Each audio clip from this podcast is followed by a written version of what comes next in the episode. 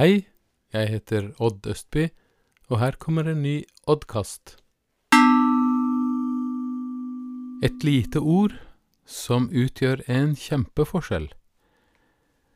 Av og til om morgenen når jeg går ut kjellerdøra med førerhunden min på vår faste morgentur, så får jeg et edderkoppspinn i ansiktet.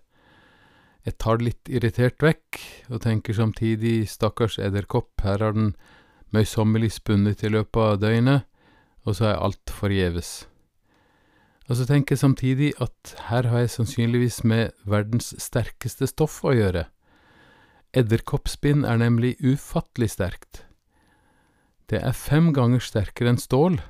Det er tynnere enn et menneskehår, men det kan trekkes ut til det dobbelte av sin lengde.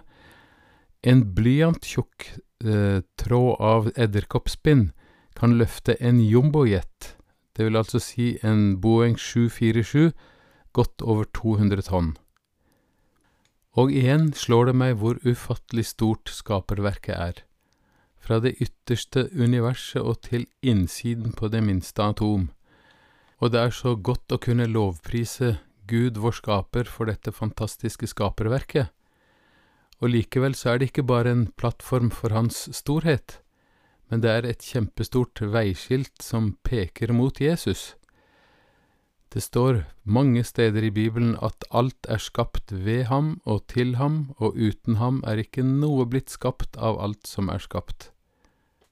Nå vet ikke jeg om edderkopper blir frustrerte eller sinte eller lei seg, men iallfall må det være nokså irriterende å miste en hel dags arbeid bare i løpet av et øyeblikk. Men vi mennesker kan iallfall oppleve både å bli skuffet og irritert og nedbøyd og sinte, og vi kan med rette ofte rette vår irritasjon og vårt sinne mot Gud selv. Det er heller ikke noen fremmed tanke i Bibelen. Det står til og med Gud, hvorfor sover du? i flere av salmene. Og vi kan rett som det er oppleve at Gud er langt borte og fjernt fra oss og ikke ser oss i det hele tatt. Men da er det vidunderlig godt å bli minnet om det som står i Jesaja 57, 15. Så sier Han som er høyt opphøyd, som troner evig, hellig er Hans navn. I det høye og hellige bor jeg.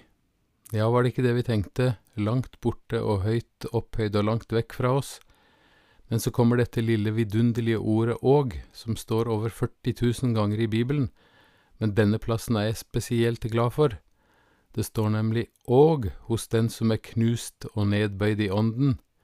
Jeg vil gi ånden liv hos den som er nedbøyd, og hjertet liv hos den som er knust. Livet kan sannelig være hardt og vanskelig mange ganger, og det er godt å se hvordan Bibelen er så realistisk på dette. Den legger ikke skjul på at vi kan ha det fryktelig og tungt, også vi som tror på Gud, og kanskje spesielt vi. Når vi leser i Bibelen om dem som ble håndplukket av Gud til forskjellige gjerninger, så fikk de virkelig trøbbel, nettopp etter at Gud hadde utvalgt dem. Det var ikke noe liv på en rosa sky. De måtte gjennom massevis av vanskeligheter og prøvelser og greier. Men de visste at Gud holdt sin hånd over dem, og de visste at han så dem hele tiden.